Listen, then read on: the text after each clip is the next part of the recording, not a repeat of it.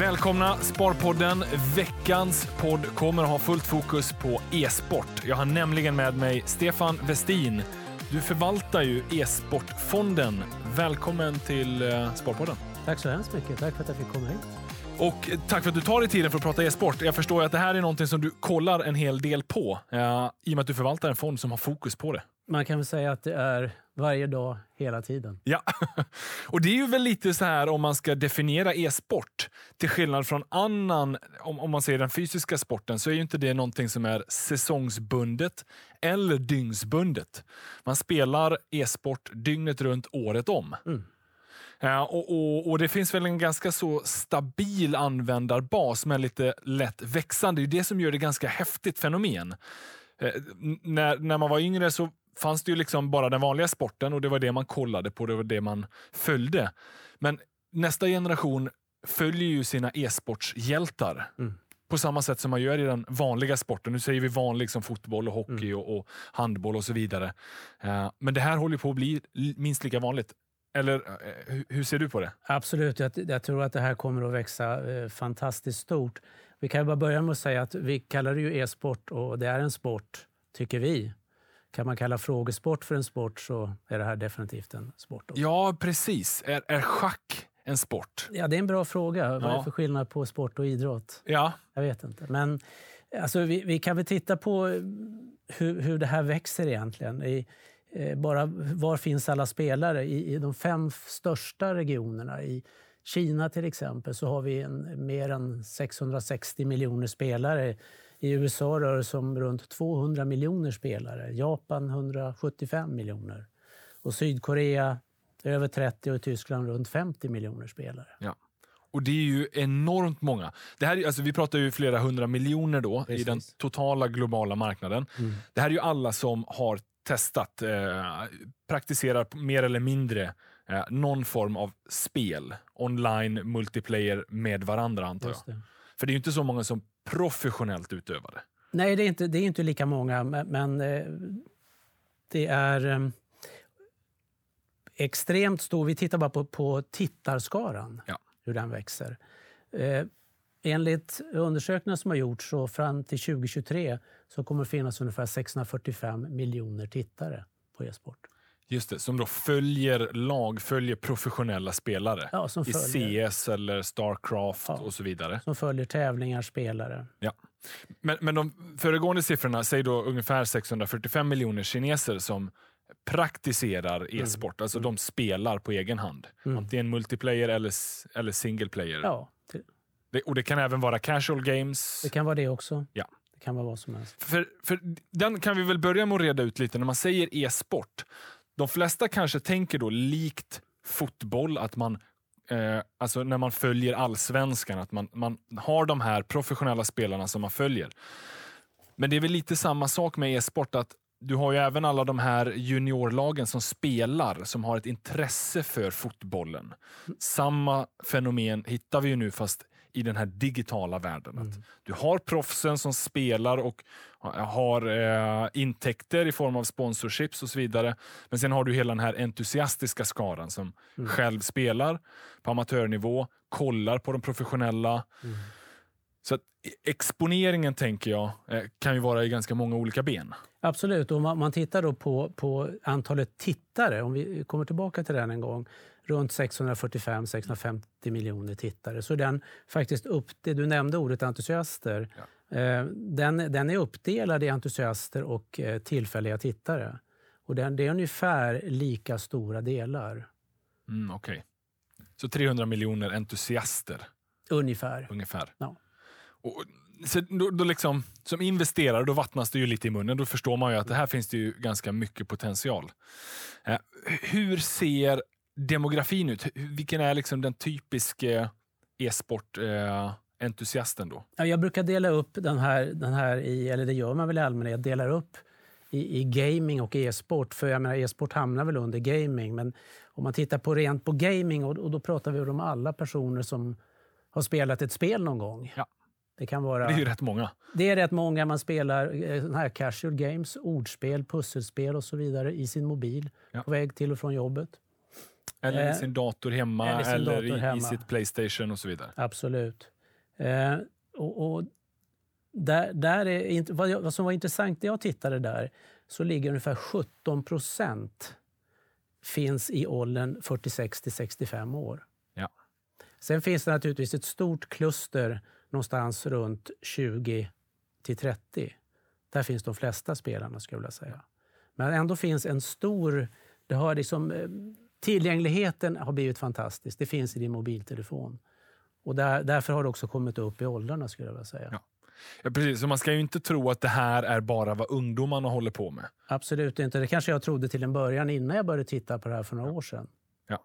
Ja, men för det är, jag själv spelar mobilspel emellanåt som avslappning.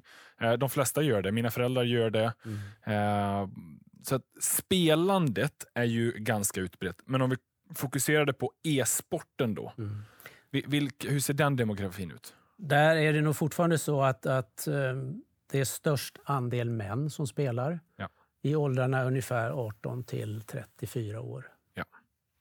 Och det är de som spelar och är kanske entusiaster kring själva e-sportfenomenet. Följer... Som, som kan e-sport, som spelar e-sport, som tittar på e-sport, som följer e-sport. Ja, ja.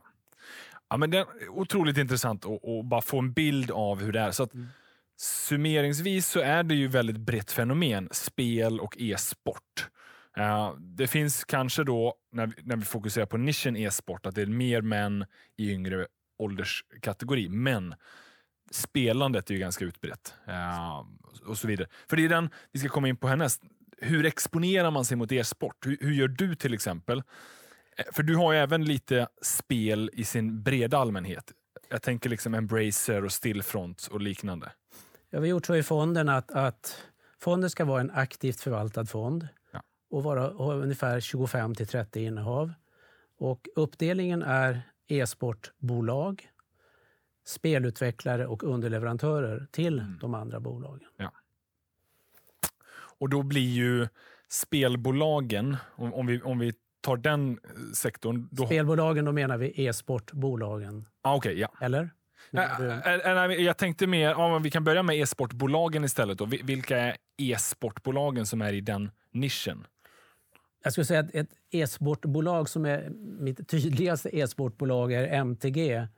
Eh, MTG äger 90 procent av ESL Gaming som i sin tur äger, äger 100 procent av DreamHack.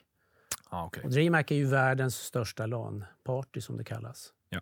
Där man träffas i stora, stora mängder, kopplar upp sig till, eh, och spelar spel mot varandra. Och det är ju en fysisk miljö. Det är en fysisk miljö. Hur, hur har den påverkats av coronan? Den förstår jag ju då är helt obefintlig just nu. Den kan man väl säga är helt obefintlig, men, men eh, ändå det fina med den här typen av bolag är att man är snabb att kunna ställa om sig till en digital Ja. närvaro. Så att, i- när, du, när du fokuserar på e-sportbolagen, ett MTG eller liknande, då är det de som äger eh, rättigheter för sändning av e-sport. Där finns det annonsintäkter. Eh, Det är mer happening kring själva spelandet så att säga. Ja, det är ju, det är ju eh, medierättigheter och, och biljettförsäljning där det finns extremt stora intäkter. Just det. Och, och hur ser det ut sen då på, på gamingbolagen, på själva spelbolagen? Där har vi ju de då som utvecklar. Ja. Och ja, där har vi ju bolag som, som eh, Take-Two, vi har bolag som EA, vi har bolag som Paradox, Embracer och så vidare. Och de är ju de som i sin tur producerar de här väldigt, väldigt populära spelen. Fifa ja, och så vidare. Jag kan inte alla. G- GTA är väl Take-Two. Just det. Eh, en del av de här är ju online eh, eller multiplayer-spel. En del av dem är ju single player-spel. Stämmer. Men, men det är exponeringen mot själva spelmarknaden som ni vill åt. Och där åsätter jag ju så att säga, de flesta spel kan man använda inom e-sport. Ja. Så att eh, vissa av de här bolagen åsätter jag en procentuell andel e-sportbolag. Ja. Eh, för att jag ska ha en, en när jag redovisar en, att jag har 32 procent e-sport till exempel, då kommer det en del ifrån kanske Tobii som har eye tracking. Eh, Det kanske kommer från något annat bolag som också tillverkar e-sport saker, produkter som kan användas inom e-sport. På vilket sätt är ett, ett Tobii Eller Tobii. Är bra. Tobii eller Tobii. Ja, hur man nu uttalar det. Ja, man uttalar två i på slutet. Men de har ju eye tracking. Eh, Eye tracking är ju en, en applikation som går att använda inom e-sport som blir ett program som upptäcker till exempel där man kan gå tillbaka och titta på vad man har missat i ett spel. Blind spots till exempel. Du kan se vad du borde ha gjort men du inte gjorde. Så att eh, Tobii tror jag är ett jätteintressant eh, bolag, tycker det är ett intressant bolag. Dessutom eh, är det inte helt omöjligt att, att det kommer att köpas upp en dag, tror jag. Ja. Ja, men det här är ju då, man kan ju direkt se att applikationen skulle kunna vara för en spelutvecklare att få en bättre koll på hur skulle man kunna göra upplevelsen än mer ehm, immersive eller immersive, mer om, omfattande så att Mm. man som spelare eh, ja, men utnyttjar spelets fulla potential. Så att säga. just det. Och det här är ju då, nu har vi gått igenom e-sport och gaming, men underleverantörer. Mm. För det, det finns ju de som faciliterar, jag tänker både på hårdvara, själva datorerna eller konsolen och så vidare. Mm. Men också ganska mycket mjukvara. Eh, Om vi tittar på, på eh, ett bolag som, som introduceras i december, Corsair Gaming, eh, som tillverkar eh, gamingutrustning, har haft en fantastisk utveckling. Ja. kan titta ett annat bolag som jag gillar mycket, som är ett bolag som heter AC-Tech som är noterat i Norge ja, okay. som eh, är väldigt stora på liquid cooling, kylning av gamingdatorer som kräver st- eh, stor kylkapacitet för att klara av de här tuffa spelomgångarna. Ja. Plus att eh, de har också en, en sponsorskap i bolaget där man sponsrar e-sportproffs med utrustning. Ah, okej, okej. Och de får också lite e-sport eh, genom eh, sig. Ja, de profilerar sig givetvis i den sektorn. Och För, haft mycket fin utveckling. ah, okej, okej. Ehm, Du har naturligtvis Xbox som görs av Microsoft, du har Playstation som görs av Sony. Ja. Men, men jag kan ju återkomma till, till, men i fonden så har jag valt att inte ha med sådana stora bolag som till exempel Microsoft. För där är, som jag ser det i alla fall, gamingdelen i både Sony och Microsoft, den är så liten Ja. i förhållande till... När du säger Microsoft tänker inte du på spel och gaming. Nej, det är inte riktigt den exponeringen man får. Och Sony tänker man inte heller på det. I alla fall gör inte jag det. Så att jag försöker undvika de här stora och försöker göra någon form av skillnad genom att välja andra typer av bolag Ja, ja, som är mer fokuserade just på det vi investerar i, just det. temat. Just bara för att få den liksom specialiseringen mot e-sport och gaming Just det. som är, som är temat. Men, men det här är hårdvara. Mjukvara då? Eh, Tobii Eye var vi inne lite på. Eye tracking, ja precis. Sen kan man säga att det första jag tänker på när du säger mjukvara är ju spelen i sig. Ja. Ehm, sen kan man ju komma in på, på cloud gaming och gaming as a service. Eh, Steam, Nvidia GeForce till exempel. Just det. Eh, har lite Nvidia i portföljen. Sen, sen i, under mjukvara så skulle också e-sport betting kunna hamna. Och det är någonting som vi absolut inte investerar i. Ah, okay. Varken betting, kasino eller poker eller annat. Eh. annars är ju den eh, ofta lite associerande kan man väl säga. Ja, det, det skulle jag säga. Jag har hittat många bolag som Ja. har namn som, som, som är i första läget när jag ser det här är ju ett bolag som jag måste titta närmare på.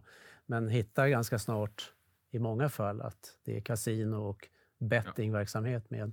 Och då åker de ut i den sållningen i första läget. Men det här är ju, om man pratar lite generellt, så har ju betting och kasino varit ganska lönsamma bolag och en lönsam sektor. Varför väljer ni att utesluta dem? Det har varit extremt lönsamt men vi har valt av, av etiskt moraliska skäl att inte ha med de här. för Vi kan väl se att jag menar, spel i sig ska, kan skapa beroende men följdeffekterna av det här spelandet med, med kanske belåning och katastrofala ekonomiska följder. Vi har valt att helt bortse ifrån det för att inte konfronteras med den, den Ja. Ja. eh, det, så alla får ju vi dra våra egna skiljelinjer vart, vart, vart, vart man tycker det är Mm. rätt och rimligt. Men- det får ju, ja, men det är några intressanta case. Vi kan komma tillbaka lite till dem. Men ett, eh, det som är lite spännande med e-sport är ju att det finns ju de här e-sportligorna och Mm. e-sportlagen. mm, Det blev ju en ganska stor happening, om det nu var förra eller för förra året, när Astralis just det. börsnoterade sig. Mm. Och Det här gjorde de ju på danska börsen, vilket är ju lite eh, lustigt för det finns ju många fotbollslag som är just börsnoterade Mm. på danska börsen. Jag tror att det är en sju, åtta stycken. Men nu finns det också det här Astralis, Ja. som är alltså ett lag som spelar. Jag tror att det är CS som spelar Mm. ganska mycket. Eh, så här, har ni den exponeringen också? Man kan säga så här, det, det är en, en, en del av, av, av spelandet som jag tittar på och följer. Eh, Astralis, så finns det David Beckhams Guild Just som också är noterat. Men eh, under förra året när, när den här gamingmarknaden fullkomligt boomade Ja. så var, rörde sig Astralis i princip helt flat. De hade ingen positiv utveckling alls. Nej, och jag kollade lite rapporter. Eh, De, de bränner ju pengar. De bränner pengar. Ja. Eh, Så att man kan väl säga så här, det är under luppen, Ja. men det är fortfarande en väldigt ny företeelse som jag känner att jag vill titta närmare på och utvärdera. Det är mycket möjligt att, att det här kan komma att bli jätteintressant med noterade e-sportlag. Det, det kan ju bli det. Det är väl lite sådär om man bara ser till, du har ju på svenska, eh, det finns ju noterade AIK på svensk marknadsplats. Eh, man kan ju även få exponering mot både AIK och eh, Djurgården, både fotboll och hockey. Mm. Det kanske det är lite mer investeringar med hjärta än ur ett ekonomiskt perspektiv. Det, kan jag, det tror jag också att det är. Ja. Och, och här får man väl se lite då, de som är entusiaster kanske gillar det, men min, min spontana reaktion var när jag kollade på bolaget och in, inför noteringen var just det här att det är svårt att få lönsamt på det Mm. och det är så otroligt personberoende. Svårt att bygga långsiktig affärs... Det var det nästa jag tänkte nämna, att, att det är ju väldigt beroende av vissa stjärnspelare här. Ja. Ett fotbollslag är ju lite större, med, med kan, eh, som det kan vara lätt. Alltså ett fotbollslag som spelar fotboll. eh, Ett, e-sportlag har nog en, en, några fixstjärnor Ja. eh, som man kan köpa bort. Så, ja, men det är spännande ändå att de börsnoteras. Ja. Både det här Guild då i USA är väl Beckhams, eh, det- bolaget noterat och sen Astralis i Danmark. Just det. Ja, men man får väl vara lite eh, försiktig med dem. Men, men de stora eh, bolagen som ni har, eh, Ubisoft är väl ett av de större innehaven som du har? Ubisoft är ett av de större eh, eh, som till exempel eh, producerar Assassin's Creed. Ja. Eh, Det är ju ett bolag som jag tror det kan vara delvis missförstått. De har en mycket stor del av intjäningen, det kan röra sig om en 90 procent, kommer från, från gamla, alltså gamla spel som utvecklas där man är trogna spelare som spelar här år ut och år in. Så en väldigt stor del av Ubisofts intjäning kommer från de här typen av spel. Så att jag tror att det bolaget skulle kunna förtjäna en, en, en högre värdering. Som väldigt stabil intäktsgenerering. Ja, och det är ju det är optimalt egentligen för ett, ett sånt här typ av bolag att man har trogna spelare som spelar samma spel år ut och år in. Ja. Sen köper man naturligtvis DLC, downloadable content. Man köper saker under resan Ja. i de här spelen för att få bättre redskap till exempel i, sin, i sina spel. Ja, men, eh, så den är intressant. Sen vet jag att Nintendo är också ett, ett av de större innehaven väl? Eh, Nintendo är inte, inte ett av de större. De, ja, de är väl ett av de tio största, ja. Ja, okej. ja. Absolut. Jag har några innehav i Japan och Nintendo är ett av dem.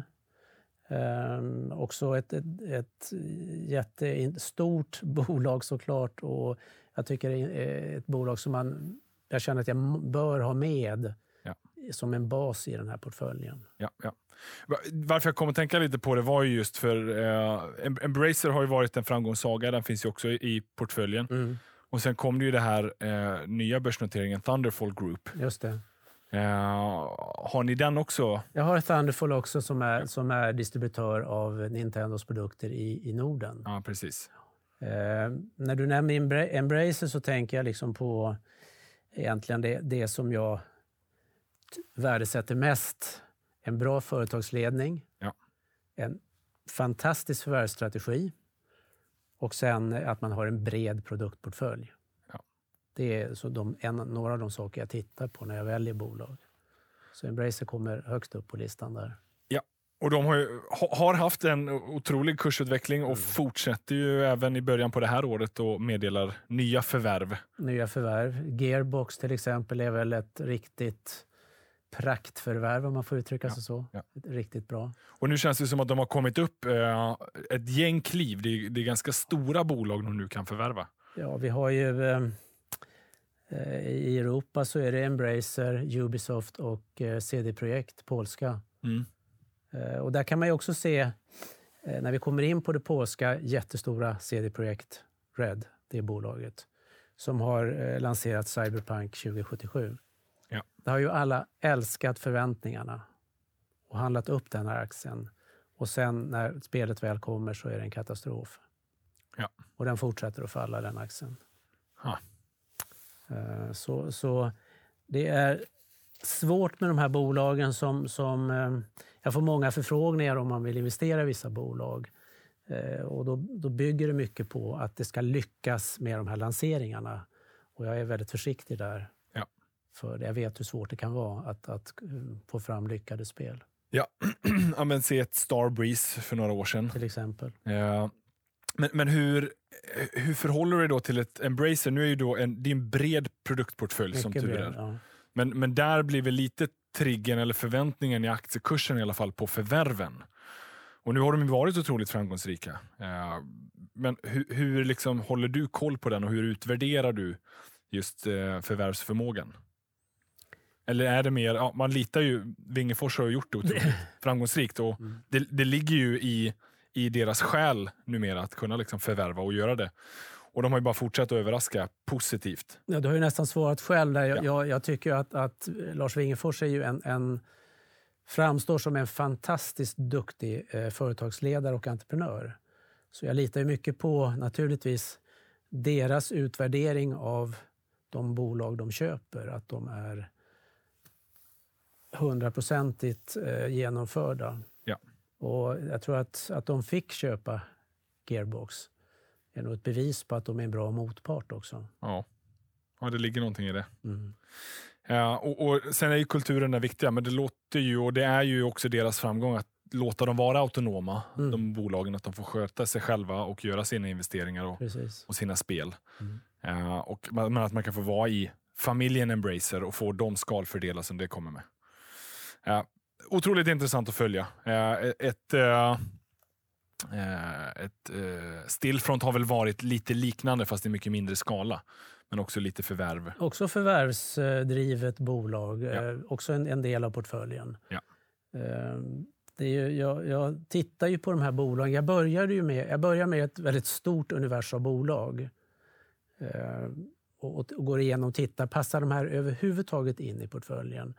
Och, eh, och det kan röra sig om flera hundra bolag. Sen, sen kokas det där ner till ett 50-tal för att sen sluta i ungefär 30 bolag. Mer än 30 bolag vill jag inte äga. Nej. Och de ska vara, eh, passa väl in i portföljen och, de ska kunna liksom, och det ska vara en aktiv förvaltning. Det är viktigt att det här följs upp. Kontinuerlig uppföljning. Och en, nu är det ändå viktigare med, med i rapportsäsongen som har dragit igång fullt. Men, men de enstaka rapporterna kan vara en sak, men jag tittar mycket längre fram och ser den här fantastiska tillväxten som vi kan se inom temat med, med tvåsiffriga tillväxttal de närmaste åren. Ja. Så jag tror att det är viktigare än de enskilda kvartalsrapporterna. Ja, ja men det är intressant. Och, och Sen tänker jag också lite på om man bara så här, portföljen i ett bredare perspektiv. Det är mycket svenska bolag, en del amerikanska bolag. Mm den absolut största marknaden för e-sport och gaming är ju ändå Kina. Mm. Asien kanske då ur deras perspektiv. Hur, så här, finns det e-sport exponering bland kinesiska bolag? Hur navigerar du där? Hur, hur kommer man åt dem? Eller är de amerikanska och europeiska bolagen väl etablerade även i de marknaderna? De är väl etablerade plus att, att flera av de asiatiska bolagen är noterade på Nasdaq. Ja, just det. Så man får exponering där. Eh, på Nasdaq. Sen är det vissa bolag som jag inte köper eller kan köpa som är till exempel OTC-noterade. Mm. Och det kan vara svårt att direkt köpa bolag i Kina. Eh, och därför köper jag hellre asiatiska bolag. De japanska bolagen köper jag på Tokyo Stock Exchange. Ja. Men eh, bolag som är noterade även så, på eh, Nasdaq köper de hellre där. Ja, just det. Men, men det jag tänker på är just Ki- Kina håller på att växa och det är många nya spännande bolag och framförallt så kan de ju vara ganska duktiga på mjukvara. Olika streaminglösningar med mera. Eh, nu är inte det alltid bara för e-sport de streaminglösningarna används. Men, men är det också en exponering du kikar på? Streaming. Ja, eh, streaming generellt sett, eller Eh, jag- sådana liknande. Ja, man kan, I min grundsyn så, så ligger det att, att konsolerna kommer få mindre och mindre betydelse. Ja. Vilket var svårt att tro nu när Playstation 5 kom. Eh, som, som blev en total stor efterfrågan på. Men jag tror att framtiden eh, kommer att innebära att man, man inte äger så mycket konsoler utan man streamar sina spel på eh, och, och den vägen. Så att, ja, men man måste ju ha någon form av enhet, men kanske mobila enheter då för att konsumera och spela via. Precis, man kan ju spela genom sin, sin dator, genom eh, egentligen vad som helst där man kan koppla upp sig. Just det. Eh, så, så streaming är jätteintressant. Ja, ja, men det är väl en intressant spaning, men den lär ju då inte ske i närtid. I och med att det, vi fortfarande ser den här populariteten med PS5. Ja, nej, alltså det, det, det tror jag inte heller sker i närtid. Men det finns många saker som, som talar för, för att, det kom, att det kommer bli bra. Det är när hastigheterna också blir bättre. Ja. När 5G rullas ut, och det verkar ta tid. Men 5G, tillgängligheten, det extremt stora intresset. Jag tror det här kommer att växa fantastiskt i framtiden. Just det. För, för Google testade ju ändå att lansera den här, nu kommer jag inte på vad den heter. Stadia. Stadia, där har vi den. Eh, och den har ju inte varit en jättesuccé. Det har Alltså, jag, nej. Eh, men det kanske var lite för tidigt då. Du hade inte 5G ännu. Men sen handlar det väl lite också om utvecklarna. På vilka plattformar eller vilka... Och vilka spel som vilka erbjuds. spel som utvecklas, Eh, ja. precis. USA har ju kommit ganska långt i utrullningen av 5G. Ja. Men eh, spelbiblioteket i Stadia var väl inte imponerande direkt. Eh, så, så det var nog en anledning till att det har liksom inte blivit någonting riktigt av det där. Mm. Eh, kanske för tidigt som du säger. Men det är väl en, det är ändå en intressant spaning att förmodligen kommer det att, gå ifrån konsol till mer cloud, cloudbaserade lösningar. På sikt, ja. Ja. Det tror jag. Då kommer man också in på frågor om, om kanske mer datasäkerhet också i samband med eh, Ja, ja. Eh, Så det finns mycket, många olika aspekter på det här. Men, men att streaming eh, kommer att bli stort, det tror jag definitivt. Men om jag ser, di- din portfölj överlag är ju kanske mer viktad mot själva spelutvecklandet och konsumtionen Mm. av det. Eh, så annonsintäkter och den marknaden, finns det, finns det en så pass tillräckligt stor marknad och växer den? Annonsintäkter och, och spela royalties och, och liksom hela det där. Annonsintäkterna är en extremt stor källa. Ja. Eh, och MTG anlitade ju Nielsen Consulting för att få styr på hur, hur annonsintäkter, var de kommer ifrån. Och det har visat sig att, att många eh, annonsörer styr över in, eh, annonser, reklam, från traditionell sport till e-sport Mm. eftersom det är ett sånt otroligt stor penetration av tittare. Ja. Eh, Sen är det väl så också att i, i, i nu under pandemin så har alla inställda eh, live-evenemang, har, ju- där har det ju tappat stora intäkter såklart. Men, men det finns också ett liv efter det här. Men samtidigt är det ju en, känns som en någorlunda långsam transformering. Nu har vi ju precis haft ett Super Bowl i helgen när vi har spelat in det här. Ja. Eh, och det är ju fortfarande en av de absolut dyraste annonsutrymmena i, i och med det här. Och det är fortfarande den fysiska, den, den Mm. gamla traditionella sporten. Så att eh, det kommer ändå ta lite tid och innan. Helt, det kommer ju aldrig helt gå över, men Men man kan ju ändå, vad som är intressant här tycker jag att, att de här traditionella sporterna, Super Bowl med flera, har ju funnits så otroligt mycket längre tid Ja. än vad e-sporten har funnits och, och gaming är, som, som en stor företeelse. Så jag tycker ändå att det har gått ganska snabbt ja, att få över annonser och tittare till e-sport från traditionell sport. Ja, bara givet hur långt det existerat, eller hur, länge, Precis. hur Det har kort inte- det existerat. Ja. Ja, men okej, den är intressant. e-sportsuttrycket grundades någon gång kanske på början på 90-talet någon gång, eller under 90-talet i Sydkorea. Starcraft. Ja, just det. Första, det, det sägs att det är det första spelet, men det var väl i princip i arbetslöshetens Sydkorea och starten av internetcaféer som man började med det här. Och det var ju under en ganska lång tid ja, centrerat till eh, LAN-parties hemma. Mm. Eh, de flesta har ju liksom varit på ett LAN någon gång. Och det är ju först nu det har tagits upp i, i molnet och blivit så viralt. Bara de senaste åren. Och med en pandemi då så känns det ju som att det där kommer att också flyttas fram. Allting som har att stavas digitalt har ju tagit ganska många år eh, med framsteg i och med pandemin. Jag tänker mig att lite liknande har skett även för e-sporten.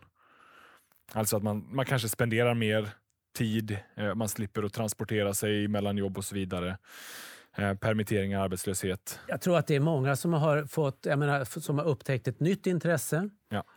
Många andra som har haft det här intresset och fått mer tid att utnyttja, att, att engagera sig i det här intresset.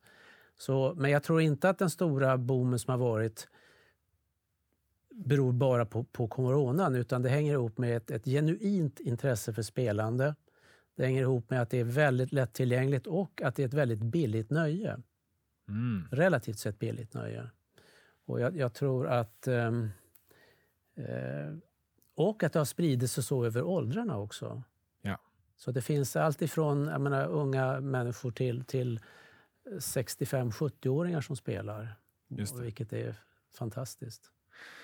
Ja, men det, det, det, det är ändå en intressant observation att, eh, som sagt, vi var inne på det lite innan med geografi, eller demografin, att det, inte, det är inte bara ungdomar som sysslar med det. Även om det kanske är mer skewed mot unga som kollar och konsumerar e-sporten, men, men det bredare spelandet, Ja, absolut. det går genom alla åldrar. Och fonden är ju inte, vi är inte, även om vi heter e-sportfonden så är det ju inte bara fokus på e-sportbolag Nej. utan det är gaming också naturligtvis. Ja.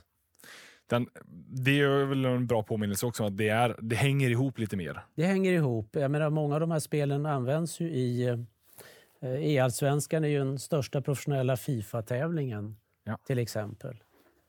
Eh, Så att, eh, och Fifa är ju EA som producerar så, så, och det är ett, ett innehav vi har. Exakt.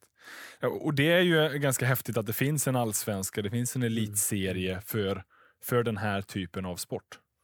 Och, och sen har vi ju, det, det, det, den största är väl World Championship League of Legends som sägs ha fler tittare än Super Bowl.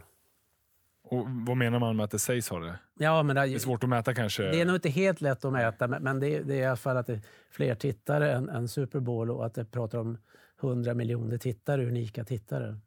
Oh. Vilket är mycket. Det är otroligt. Och det är väl, League of Legends är väl bland de större? Eller det absolut största? Ja, Eller det är- Starcraft? Det är, nej, jag skulle säga League of Legends. Är nog, Ja.